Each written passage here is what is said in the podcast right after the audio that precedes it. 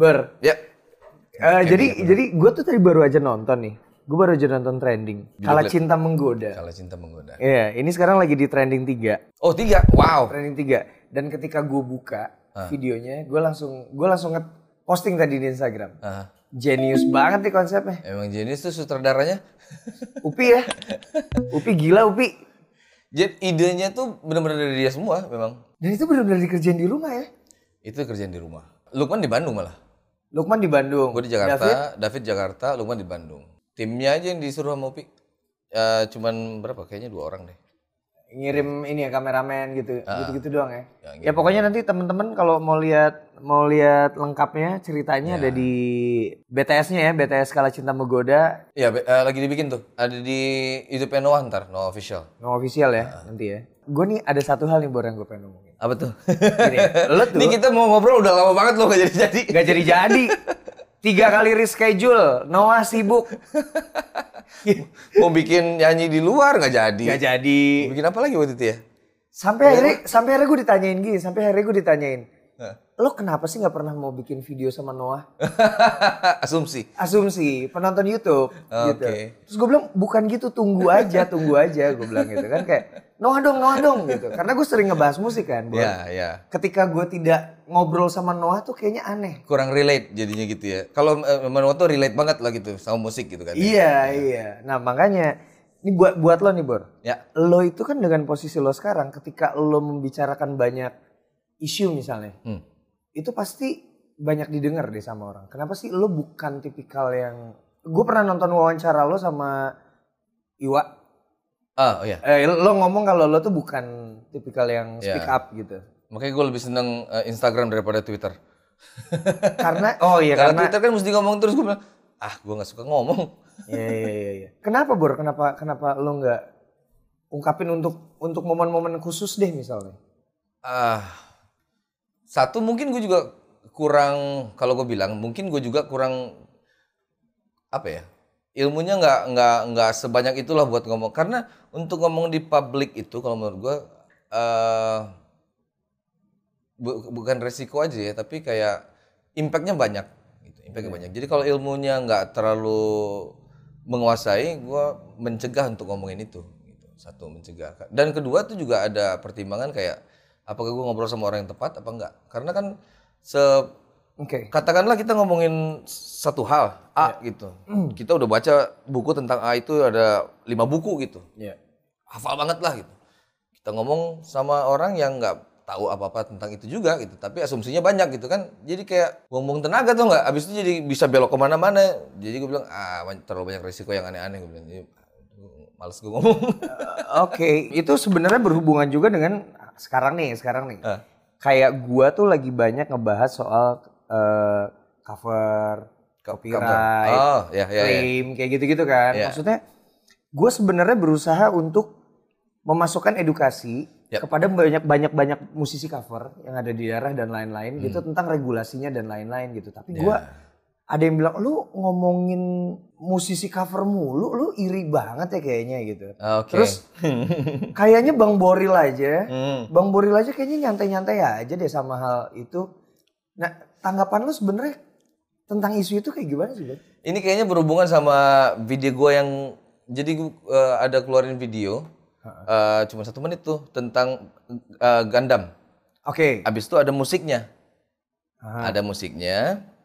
Eh Oh ya, lu bilang lu sengaja memasukkan ya, lagu itu. walaupun ada copyrightnya gitu kan. Iya. Cuman ya itu, ini memang memang mesti dibahas secara utuh sih harusnya gitu. Karena gue lihat yang terjadi di sini jadi salah paham. Kayaknya kayak kesannya gue membiarkan itu terjadi. Yang satu, eh, sedangkan lu ya, berusaha untuk itu nggak terjadi. Tapi apa yang nggak terjadinya kan tuh masih bias nih sebenarnya kalau di sini kan Iya, gitu. iya, iya. Nah ka- kalau gue cerita, eh, waktu itu gue upload eh, video dengan lagunya, eh, aduh gue lupa lagi nama bandnya, tapi dia mengcover lagunya Nirvana Oke. dan itu bagus banget. Ya Nirvana lu suka lah ya, lu suka banget Nirvana, gue tahu. Nah terus ba- bagus banget, terus gue gua upload. Ya triggernya tuh ada yang ada yang komen, ada yang komen, oi copyright oi gitu. Oke, oke, oke, oke. sebenarnya Itu di mana di YouTube? di YouTube. Oke, oke. Nggak tahu gue yang salah baca nada tulisannya karena nggak ada emoticonnya ya gitu. Atau ada emoticonnya pun nggak ada intonasi. nggak diintonasi jadi kayak eh ini orang marah-marah sama gue ya gitu. Tapi di balik ada sedikit terpancing kayak emosi cuman kayak oh mungkin dia nggak tahu. Akhirnya gue jelasin. Gue bilang Di komen YouTube itu. di komen YouTube itu yang akhirnya di, dia hapus juga sih sebetulnya sama orangnya. Bukan gue yang hapus dia disangkain gue yang hapus lagi. Ya, Oke, oke. Nggak gue jelasin copyright gue bilang eh gue bilang lu tuh ngomongnya kayak gue tuh ngelakuin kejahatan gitu gue bilang gitu. Gue tahu itu copyright. Jadi kan kalau gue bilang kan gini, copyright itu kan sebenarnya adalah bahasa Indonesianya hak cipta. Hak kan cipta, gitu. Ada iya. hak. Jadi kan yang bilang bahwa lagu ini ada hak ciptanya and that's it. Gitu aja sebetulnya gitu, Iya. ada hak ciptanya. Nah, kalau kita menggunakan hak cipta orang lain di depan umum di publik gitu, itu ada konsekuensi gitu kan. Iya. Nah konsekuensinya kebetulan gue tahu tuh pas gue upload itu konsekuensinya adalah eh YouTube-nya udah ngasih tahu bahwa nanti eh, semua keuntungan yang ada dari lagu Video ini, ini, eh, video ini itu akan dikasih ke yang punya lagu. Gue bilang ya nggak apa-apa orang lagunya bagus kok gitu kan. Jadi eh, memang gue niatnya begitu. Kecuali gue bilang kecuali kalau yang punya lagunya nggak pengen gue masukin ke dalam videonya. Ah, Nah, oke. dan- Jadi kalau misalnya yang punya lagunya nggak pengen, pasti take down sendiri tuh. Iya, iya, iya. iya. Gitu. Ya sebenarnya artinya kan kalau menurut lo udah ada sistem di YouTube Ya, yang ketika lagu itu terkena copyright ya. itu udah langsung diarahin ke Sekarang dia udah bagus. iya Dia langsung bagus. Karena kan kalau kalau dulu tuh kalau nggak salah gua, kita sendiri yang mesti tulis kreditnya kan. iya Kita, kita tulis kreditnya, lagunya punya siapa, ininya punya siapa gitu. Soal sekarang tuh dia udah di tag, dia langsung tulis nih lagu ini punya si ini segala macam gitu. ya tapi setidaknya untuk kayak hak moral mungkin ya orang-orang tuh masih pengen disertakan gitu ini permasalahannya sekarang kan gitu Ya. lo harus minta izin nah itu tuh Nah, itu tadi gue bilang ya harusnya memang begitu. Yang jadi masalah gimana sih mereka bilang? Enggak yang jadi masalah tuh kadang- kadang-kadang ada musisi yang pengen ketika ada orang mengcover lagunya harus izin ke dia atau publishernya. Memang harusnya begitu sih sebetulnya. Oke berarti memang menurut lo harusnya begitu seperti itu ya? Jadi eh ya tadi gue bilang kebetulan di keadaan yang gua itu agak berbeda. Agak berbeda tuh kenapa? Eh musisinya satu nggak keberatan bahwa lagunya ditaruh dalam eh video itu. Iya. Dan gue beranggapan karena sistem YouTube yang baru itu kan sebelum gua upload jadi begitu gua upload sebelum gua um, eh, jadiin buat umum Private dulu. itu udah masuk eh private dulu. Iya private tuh pasti masuk melalui email kan? Ya, private dulu, terus dia ngomong ini lagu dari sini sini sini sini sini sini. Eh, orang yang ininya nggak nggak punya keberatan, tapi konsekuensinya keuntungannya buat mereka gini gini gini. Dia Iya. bilang, ya udah nggak masalah. Karena emang lo mau upload video aja gitu kan? Iya. heeh. Tapi artinya sebenarnya secara pribadi eh, Ariel untuk musisi-musisi cover tuh kayak gimana sikapnya? Kan tuh banyak tuh musisi cover yang memonetize lagu-lagu karyanya. Maksudnya lagu yang mereka cover dimonetize di channel YouTube-nya gitu. Mereka dapat duit gitu. Itu kan bukannya otomatis langsung keambil juga ya? Nah, iya. Ini kalau masalah duit ya, kalau masalah duit. Iya, iya, iya. Kalau kalau gue bilang kalau masalah uang sih sebenarnya nggak ada masalahnya karena si YouTube-nya sekarang udah bisa mengatasi itu gitu. Jadi langsung kedeteksi, langsung keambil gitu. Kemarin Itu sound recording teman-teman namanya. Ya, heeh. Nah, cuman memang ada aturannya kalau untuk si ke- hak cipta itu, copyright itu.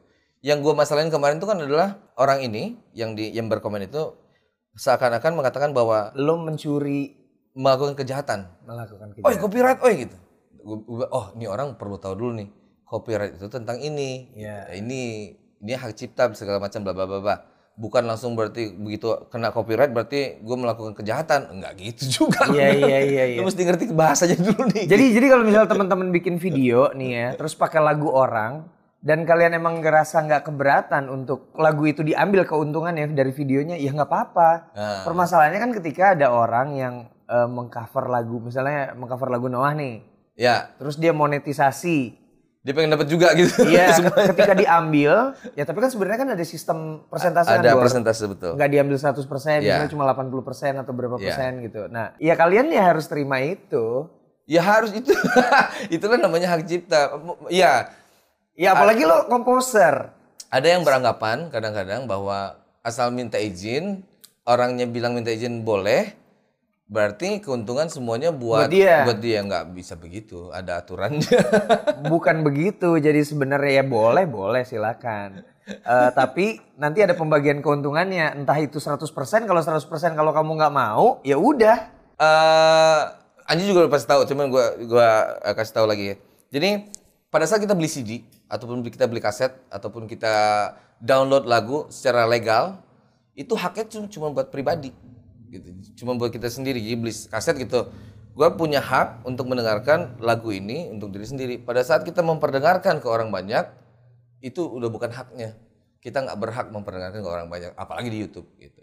Nah itu memang harus ada izinnya. Nah yang di gua kemarin itu kebetulan sebelum diupload dalam masa private itu udah ada negosiasi dengan YouTube dan itunya Ya, dibilang dengan boleh. pihak publishernya sana gitu ya. Memang aturannya harus ngomong dulu dan ngomongnya sebenarnya jangan ke penciptanya ya. Karena zaman sekarang itu pencipta udah punya publisher sebagai perwakilannya. Ya bayangin kalau misalnya lo nge-cover lagunya Noah, terus penciptanya Ariel, terus nge-DM Ariel, Bang Ariel, Ya. boleh nggak gua cover lagunya sampai tua juga belum tentu dibalas.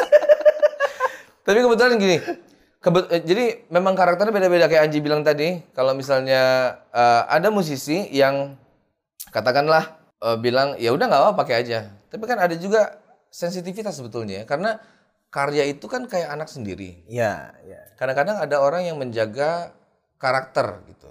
Jadi ada juga loh eh, pencipta lagu yang nggak pengen lagunya didaur ulang oleh orang lain.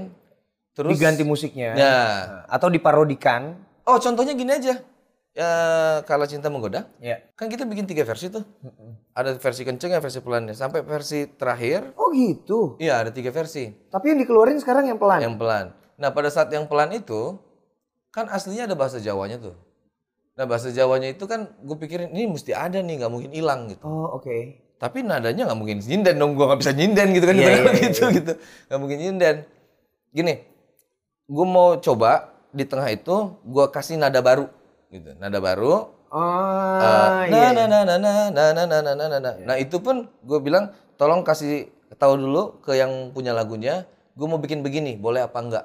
Gitu. Kan jadi ada, ada aturannya. Iya itu yang ada ada nadanya seperti yang mau masuk ke bintang di surga ya. Ya tengah-tengah. Nah, nah, nah, nah, nah, nah, nah, nah, nah, nah, nah, nah. Iya iya. Nah, nah, nah, nah, nah, nah, nah, nah. Itu kan tambahan. Nah itu tambahan itu kalau tambahan kayak gitu kasusnya Bor, Mm. itu lo masuk ke dalam Pencipta. pencipta juga. Sebenarnya itu negosiasi ya. Semuanya kan negosiasi. Ah, Negosiasi itu kayak dari gua berhak kalau sang penciptanya eh, Guru Soekarno. Putra membolehkan berarti ada ciptaan gue sedikit tuh di situ di tengah. Iya. Apakah gua mau hak itu apa enggak? Kalau gue bilang betul ah nggak usah lah orang gue cuma namain dikit doang kok gitu.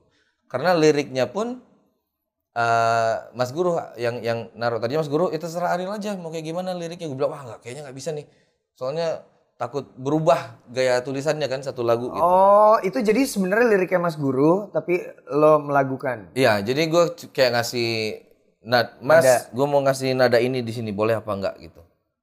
Oh, boleh, boleh, boleh. Nah, liriknya Mas Guru deh, biar nggak berubah gitu. Cuman maksudnya intinya eh, sang pencipta lagu itu Punya hak. punya hak dan dia tuh perlu tahu lagu ciptaannya dia tuh mau dibikin kayak gimana. Ya. ya. Eh, itu pentingnya minta izin dulu tuh begitu gitu. Ah, Ya kan? iya, iya. Makanya ketika ada seorang pencipta lagu atau komposer yang nggak mau kalau misalnya musiknya dibikin misalnya dibikin jadi koplo, Ya, dibikin jadi ngerok, Ya. dibikin jadi jazz itu itu hak dia ya. Itu hak oh hak dia dong, dia yang bikin pertama kali. ya kan? Iya kan? Iya kayak misalnya Ariel juga gitu. Eh, ketika lagunya mau di- diubah aransemennya Ya. atau diubah ada nadanya diubah sedikit gitu, ya harus ngomong juga kan kalau. Ke- jadi mungkin kebetulan beberapa musisi pada saat di cover nggak keberatan. Jadi kesannya ya nggak apa-apa. Belum ketemu aja sama, sama yang kayak eh kenapa lagu gue jadi kayak begini? Oh gue nggak mau nih. Nah itu jadi masalah biasanya. Itulah kenapa ada musisi yang memang mengizinkan pencipta lagu ya, gue ngomongnya pencipta lagu lah Iya, ya. pencipta ada lagu, pencipta lagu yang mengizinkan karyanya diapain aja, mau diparodiin, mau diapain, gue nggak masalah gitu. Tapi jangan disamaratain. Nggak beda-beda tiap orang. Iya kalau misalnya kalau ada satu orang yang nggak suka karyanya dia apain, bukan berarti dia tuh nggak bener. Ya enggak lah. Permasalahannya itu terjadi, Bor. Oh gitu. Iya kan maksudnya gini, badai. Badai itu cukup keras soal itu. Ah, Oke. Badai cukup keras. Terus waktu itu juga Jaring juga pernah kan. Hmm. Lagunya nggak mau diubah. Terus ada juga yang nggak mau diparodiin lagunya. Nah itu Iya. mereka kayak di, lu nggak tahu diuntung lo itu kan lagu gara-gara musisi cover lagunya jadi lebih terkenal. Wah nggak bisa gitu. Itu Seniman tuh beda. Kita nggak bisa. Ya, karena gue sedikit ada, ada seninya juga dan gue kenal sama beberapa seniman. Ada seniman tuh yang nggak mikirin uang sama sekali loh. Maksudnya Iya, iya. kan kalau nggak kalau dibilang nggak tahu untung itu kan kesannya keuntungan gitu kan. Karena beberapa itu beranggapan bahwa karya itu adalah anaknya, mereka Anaknya. gitu. Iya. Dan sangat peduli anaknya itu diapain Iya, gitu kan iya, gitu. iya, iya. Tiba-tiba anaknya didandanin kayak begini gitu. Eh gue nggak mau anak gue didandanin kayak gini kan haknya dia. Memang nggak sama semua dan kebanyakan seniman pasti eh, punya apa ya? Punya apa istilah mereka itu ya? Punya rasa yang yang yang beda sama yang yang orang umum ini gitu. Nggak Iya, nggak iya, bisa sudut pandang nggak bisa sama kayak kan untung. Mereka seniman loh. Nggak semua seniman pebisnis loh. Iya iya iya iya, betul betul. Makanya gue tuh agak ter apa ya? Agak terpicu sama kalimat-kalimat Bang Boril aja nggak apa-apa kok, Bang Boril aja nggak apa-apa. Nah itu makanya akhirnya gue kayaknya gue kayaknya perlu ngelurusin itu deh. Gue perlu ngobrol sama lo deh. Gitu. Ya, kalau gua mungkin kebetulan, kebetulan sel- sejauh ini, gitu, sejauh ini yang yang terjadi, mungkin karena gue terbiasa ya. Dulu kan eh, almarhum Didi Kempot. Kempot juga sempat bikin lagu Bintang di Surga tuh sempat dibikin tiga versi. Maksudnya almarhum bi- bikin, abis itu sempat dibikin versi remix yang buat di klub gitu Oke. ya. Jadi dan gua lihat kayaknya eh, pemikiran gua ada pertimbangan tersendiri gitu. Ah nggak apa-apa lah gitu. Tapi nggak semua orang kayak gua juga kan gitu. Iya. Bu- Dan bukan berarti yang nggak mengizinkan itu tidak baik Iya. dan yang mengizinkan baik. Nah itu Ya. gue tuh makanya kenapa gue ngerasa kayaknya Ariel nggak semasa bodoh amat itu deh. Soalnya waktu itu lo pernah nulis kan tentang si dibajakan kalau nggak salah. Oh ya ya ya. Saat lo rilis album juga tuh. Ya. Tapi itu pun juga eh, beda ini ya kalau menurut gue tuh kayak beda Beda konteks. Beda konteks ya. Itu memang wah itu sih masalah yang pokok banget yang udah kita bahas dari dulu dan gak selesai-selesai itu ya. Kenapa nggak selesai-selesai bingung gue masalah musiknya. Kalau itu kan konteksnya beda itu pembajakan. Pembajakannya fisik yang lebih gitu. Ya. Ini lebih ke fisik gitu karena memang eh, pembajak itu dapat keuntungan dari mencetak ulang fisik eh, rekaman. gitu. Kalau yang ini kan dia bukan fisiknya kan. ya. Iya iya. fisik rekaman itu yang yang oh, itu udah sistemnya udah beda lagi lu mesti bayar cukai bayar apa segala macam gitu dan ribet Artinya pokoknya ya itu sebenarnya sih itu masalahnya tetap copyright sih. Hak cipta Oh, sih. iya, pada pada eh, muaranya akhirnya hak cipta ya Bro. ya? kalau itu kan lebih sangat apa ya lebih gua nggak tahu kalau ini lebih prinsip mungkin yang yang tadi diomongin ya Ya yang itu. pertama, yang, yang pertama, pertama. prinsip bahwa uh, gua nggak pengen hasil karya gua tuh dirubah sembarangan gitu Iya, kan, prinsip kalau yang satu lagi itu gua nggak pengen hasil karya gua itu Dipublikasi diduplikasikan. diduplikasikan terus Dijual. du- dijual lagi gitu. Iya. Ya hak cipta betul. Tapi intinya Iya hak iya. cipta ya. Dia hak cipta. Gue sebenarnya cuma mau ngomongin ini doang, Bro. Jadi Sederhana banget ya. asumsi yang terjadi itu adalah uh, yang satu terkesannya rese karena nggak pengen uh, karyanya Di cover. di cover sembarangan. Ya. Yang satu lagi uh, santai-santai aja. Sebenarnya nggak santai juga sih gue sih. Nggak itu tadi sih Cuma penting. cuma lu belum bicara aja kali ya tentang itu. Sejauh ini gue belum ketemu sama yang ganggu sih. Gitu. Oke. Misalnya ganggu tuh kayak misalnya lagu gua dirubah sama orang dipakai buat kampanye gitu. Oh Oke. pasti ribut gua. Pasti ribut ya kalau kayak gitu ya. iya, kalau gitu. Jadi kan tiap tiap orang tuh punya prinsipnya sendiri-sendiri kan gitu. Setiap musisi unik lagi musisi itu. Pasti punya prinsip masing-masing. Ada yang nggak pengen sama sekali dirubah juga ada. Makanya gua kemarin tuh sama, sama Mas Guru tuh agak hati-hati. Mas kalau gua tambahin dikit aja nada di sini boleh nggak? Takutnya kan dia, wah berubah dong lagunya atau apa gitu. Tapi ternyata enggak, ya beda lagi. Lu ngalamin yang gue lihat ya maksudnya lu tuh kan kalau penulisan lirik tuh serius banget ya. Bisa sampai ngedatengin Noe. Waktu itu sampai Aan Mansur. Ya. Sampai penulis siapa tuh namanya waktu itu ya? Eh Marcella. Ya Marcella yang nulis NKT CHI itu. Iya. Terusnya Rian Dan Mas Chef. juga sampai akhirnya ada Mas Pongki juga. itu kena, kenapa bisa sampai segitunya Bor? Bahkan lu seperfeksionis itu ya untuk lirik ya? Ah, enggak, enggak lah. Enggak, enggak, bukan se, bukan seperfeksionis sebenarnya. Gue pengen bikin karya itu yang kalau gue sendiri juga bisa nikmatin. Maksudnya gini, kayak Ah. gue sendiri bisa ngulang-ngulang lagu itu gitu.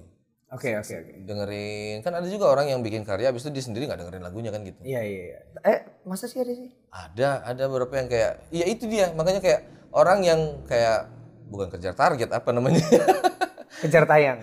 Iya, yang penting bikin rekaman aja gitu. Ah, Gitu kan. oke. Ada juga kan yang kayak gitu gitu. Ya, banyak sih. Nah, nggak pengen kayak gitu gitu karena nggak pengen karena kalau perfectionist itu kayaknya nggak tahu ya apa apa apa hitungannya gitu. Dari 100% tuh mesti 100%. Iya. Kalau kalau kalau seni ini kan lebih kayak belum enak aja gue dengernya gitu. Oke. Da- Dan proses itu lu sering sering temuin ya? Lumayan sering sih. lumayan. Lumayan sering ya? Kenapa Bor? Kayaknya dulu lu tokcer banget gitu kalau nulis. Belakangan ini apa Ya, ya. writer's block? Writer's block atau mood block ya namanya gue nggak tahu. Kalau mood block bahaya banget dong. Iya, kadang-kadang kayak nggak nemuin apa ya, nggak nemuin kesenangan lagi bikin itu gitu. Bikin Tidak menemui kesenangan lagi bikin lagu. bikin karya. Heeh. Saat itu kayak apa- jadi gue kayak mesti bikin ah pengen beda dikit ininya ah, beda dikit itunya ah gitu biar biar apa biar biar mood lagi dan itu butuh orang lain sih gua. Oke. Karena pada saat itu memang pas yang gue rasain setiap kali yang gue keluarin dari kepala itu kayak ah, sama lagi sama lagi nih gitu. Oh nggak mungkin perlu gangguan nih. Eh, atau mungkin karena dalam hidup lo kalau nggak salah waktu itu gue pernah ada interview lo deh tentang itu gue lupa sama siapa Ya. itu pokoknya kayak ya sekarang udah lo kayaknya sambil bercanda gitu sambil mikirin udah mikirin cicilan listrik gitu gitu ya Iya iya iya. jadi mood jadi Nah, nggak jadi eh kalau dulu kan nggak banyak dipikirin. Iya. Jadi waktu ngelamunnya banyak.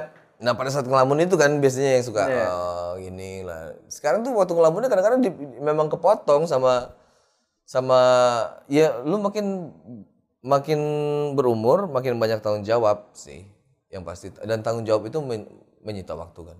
iya Ya, tanggung jawab kayak bayar pajak, bayar ini dan segala macam itu segala macam itu itu menyita menyita waktu. Bayar pajak tuh aduh Iya bayar pajak itu menyita waktu loh. menyita waktu hitung hitungannya ya kamu jangan hati-hati ya Nah itu mungkin yang bikin waktunya jadi sedikit Hmm. buat itu. Gitu. Jadi jadi lebih sedikit buat ngelamun dan dan dan segala masa pandemi ini harusnya banyak ngelamun ya bro Nah lo lo menghabiskannya dengan apa bro nggak nggak ke mana-mana nih nggak ngapa nggak ngapa-ngapain ya betul. Jangan kan di sana ya waktu waktu dulu juga gue punya waktu itu mood tadi ya. Jadi pandemi ini gue juga bisa aja sih kalau mau bikin lagu tapi nggak ke sana moodnya. Gue moodnya bikin Gundam. Habis itu Games. main games. main games ya kan lo bikin e-sport juga kan Udah ya itu juga jadi lagi di sana moodnya nggak nggak Ah. bikin lagu. jadi memang Ariel ini adalah seniman sekali tergantung mood Yang sangat berbahaya sebetulnya Eh. jangan ditiru.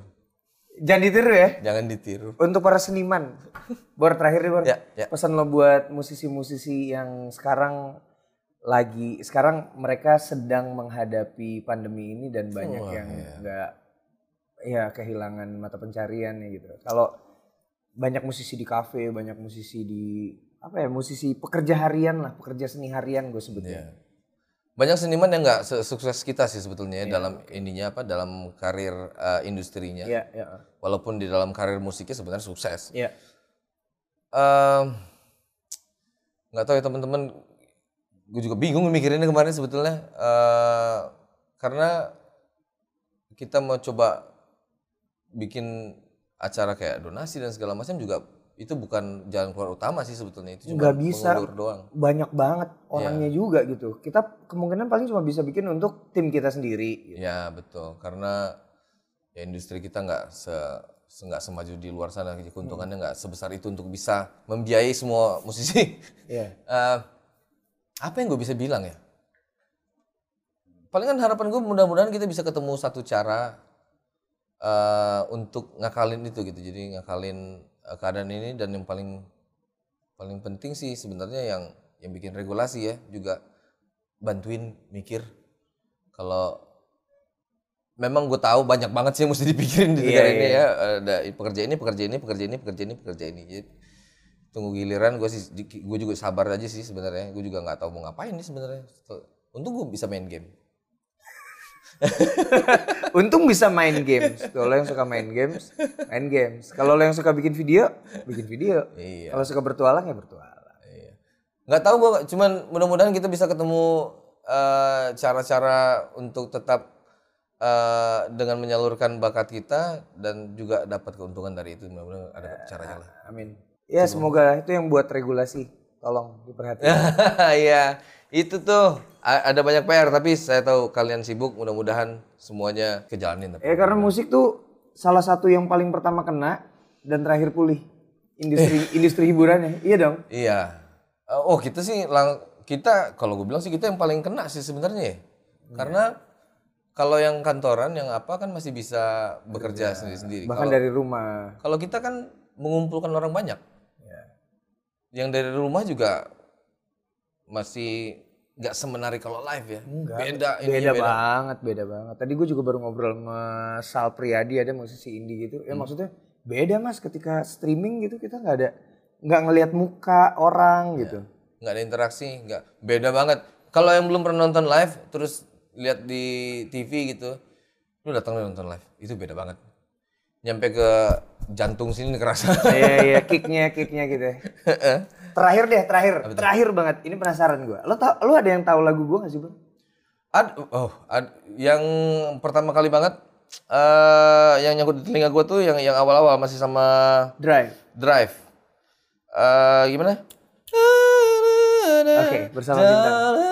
Eh, gue takut kebalik liriknya. Karena biasanya gini. Orang itu ngerasa hafal lagu, padahal dia cuma hafal refnya doang. Iya iya. Disuruh nyanyi satu lagu, lupa. Tidurlah selamat malam. Lupakan saja lah. Sebentar. Lupakan saja aku, mimpilah dalam tidurmu gitu ya. Bersama bin bintang. Iya iya betul. Ntar dulu, tidurlah selamat malam, lupakan. Lu ikutan apa? Gue doang. Eh, oh, oh kita nyanyi nih. Iya. Oh, oh, lu, suruh- lu suruh gue nyanyi tadi kan? Oh enggak, sebenarnya enggak. gue cuma pengen tahu doang. Oh, oke. Lo ada yang tahu nggak? Alhamdulillah.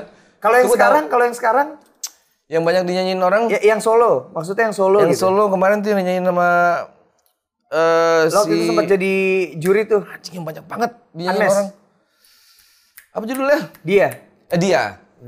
Eh Oh Tuhan. yang na na na na na. Cinta dia yang dia inginkan dia. Bukanlah rasa cinta di hatiku. Iya, itu gue tahu. Tahu ya? Adalah beberapa nadanya dia kan apa istilahnya ya pinter bikin hook lah gitu. Jadi di nadanya itu ada hook yang pasti ngait di kepala orang gitu. Walaupun kayak misalnya gue gue cuma dengar satu dua kali gitu, nggak hafal tapi kas oh ini lagu yang ini. Hooknya jago. ya udah, gue sekarang mau main game sama. Kita main apa? Enggak, enggak, enggak, enggak, enggak. Gue bukan gamer. Gue bukan gamer. udah pernah main game apa sekali? Sama sekali enggak. Karena dari kecil, Bor. Berarti gue temenan sama anak lu aja lah. Anak gue, anak gue game banget. Dia sampai susah dihentikan. Gue nggak bisa, gue gue main game dari kecil soalnya. Gue nggak boleh dulu sama nyokap gue. Gue nggak boleh beli game sama sekali, nggak boleh main game sama sekali. Tapi boleh beli buku, Oh. boleh beli kaset zaman oke, itu. Oke, oke. Ya, be- ya. Jadi nggak terbiasa aja. Iya, Jadi gue nggak berlaku buat eh, e-sportnya Boril. Bor thank you ya, Bor. ya. Nah, jangankan lu, gua aja cuma bisa jadi dedengkotnya doang karena anak zaman sekarang Jago-jago tuh banget ya. refleks itu wah brrrr, tergantung umur. Oh jadi lo mengaku udah udah matang, Udah terlalu matang. bukan tua, matang. Jangan lupa senyum hari ini.